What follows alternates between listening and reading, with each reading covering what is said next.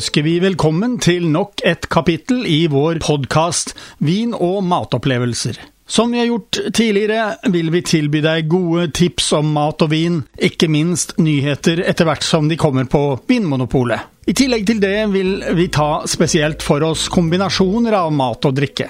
Vær så god, det er servert.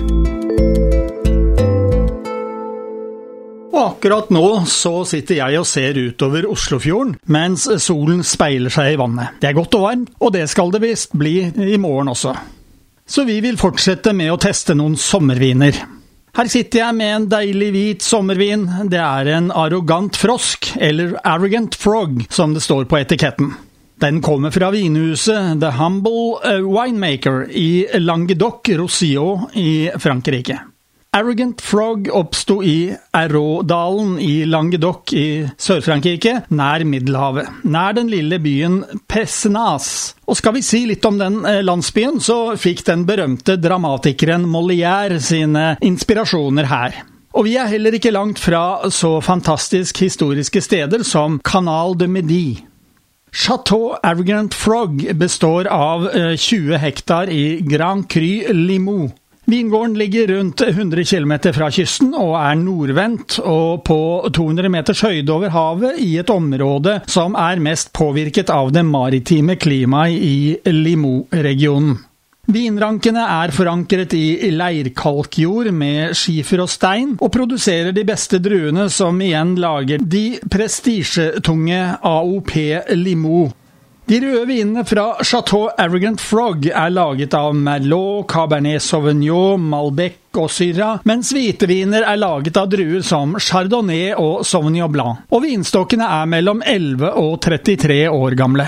Og druene, de, ja, de høstes for hånd. Så hvordan smaker denne vinen? Jo, for å si det enkelt, denne vinen smakte meg godt. Denne vinen er laget på Sauvignon Blanc-druen, og det er en drue jeg liker godt.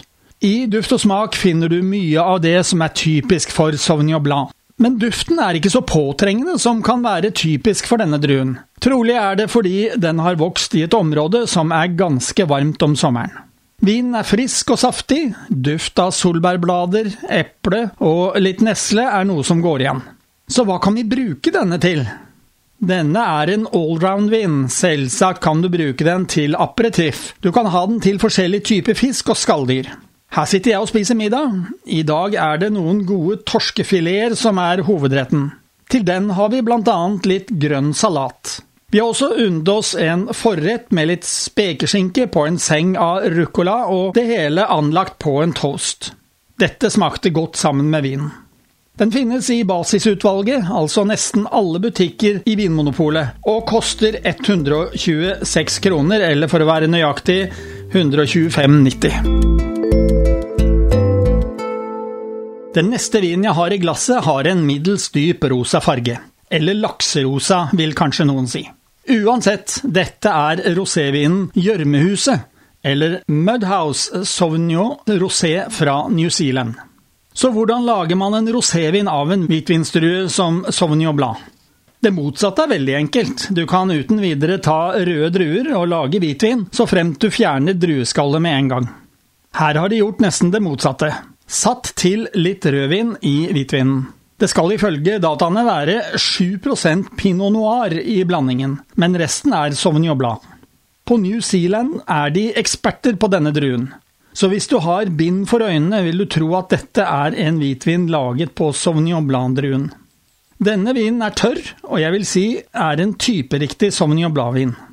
Vinhuset Mudhouse ble etablert i 1996, og navnet spiller på tilhørigheten til jordsmonnet der alt begynte. Det beste jordsmonn velges ut til dyrking av druene. Mudhouse dyrker druer i tre regioner syd på New Zealand. Det er Marlborough, Central Otago og Waipara Valley.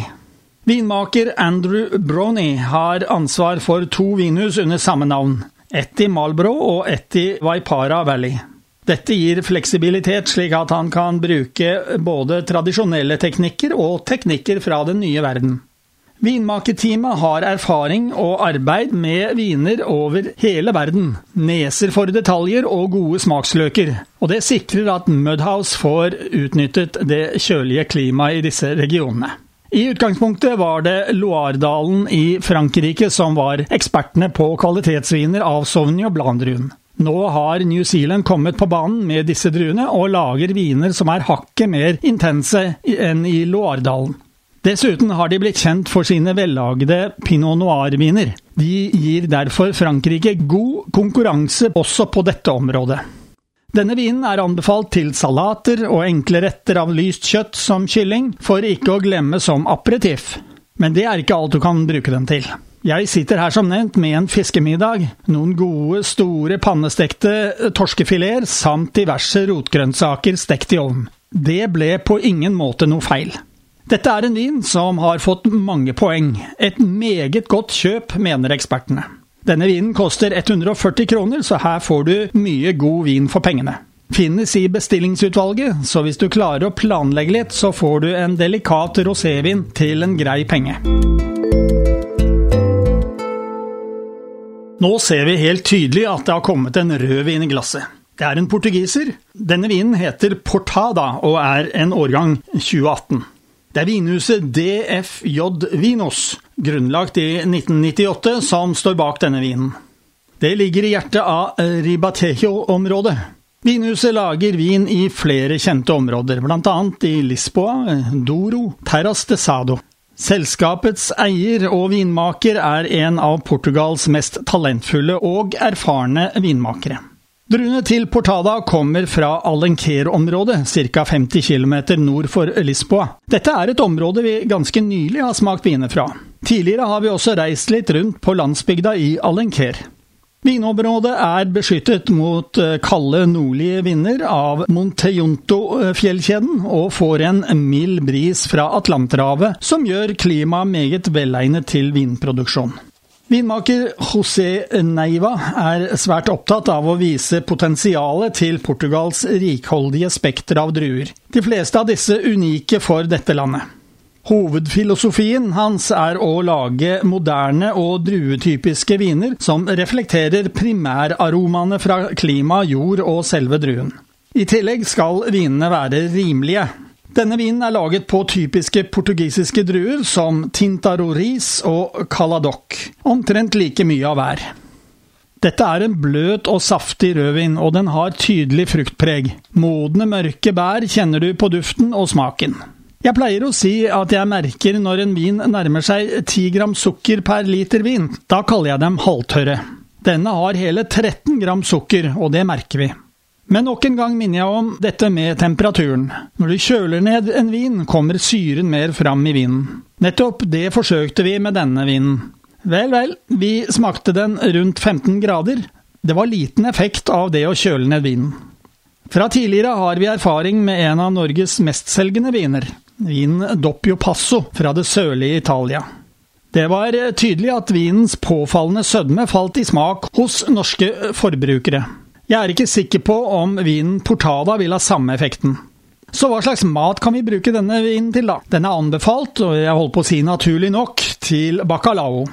Det har jeg ikke testet, men det skulle ikke forundre meg om det stemte. Svinekjøtt blir også nevnt, og den skal også passe til kylling. Jeg er litt usikker i hvilken form vi skulle servere dette for at den skulle komme til sin rett. Vinen koster 107 kroner, så det er ingen upris. Den er i dag i basisutvalget, som betyr at de fleste vinmonopolutsalgene har den inne.